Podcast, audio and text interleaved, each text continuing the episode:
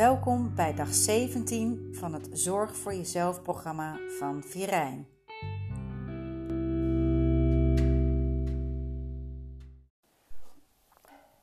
Weer een nieuwe dag waarop je goed voor jezelf kunt zorgen. Hoe is het tot nu toe gegaan? Neem het serieus genoeg, het voor jezelf zorgen. Zo niet, kijk of je het leuker of gemakkelijker kan maken. Dat helpt meestal. Of besluit vandaag echt te starten. Het is nooit te laat. Vandaag wat kennis over multitasking. Steeds schakelen tussen de ene en de andere taak. Twee of dingen tegelijk willen doen. We weten het eigenlijk allemaal.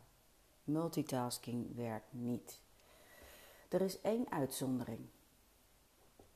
Taken die volledig geautomatiseerd zijn, zoals afwassen, strijken, breien, voor sommigen dan, hè, kunnen de focus op een meer complexe taak juist versterken. Dus als je een automatische taak doet, die voor jou dus automatisch is, waar je niet over hoeft na te denken en je gaat daarnaast iets doen waarvoor je je moet concentreren, dan is de kans groot dat je je meer kunt concentreren op die complexe taak. Voor alle andere gevallen geldt, het vermindert je focus en het kost je meer energie om te focussen. Uit onderzoek blijkt multitasking meestal meer nadelige effecten te hebben dan blowen heeft op je focus. Toch laten we ons, nu meer dan ooit misschien wel, steeds verleiden tot multitasking. Tijdens vergaderingen check je je mail of rond je een verslagje af. Twee collega's willen tegelijkertijd iets van je en je grijpt niet in.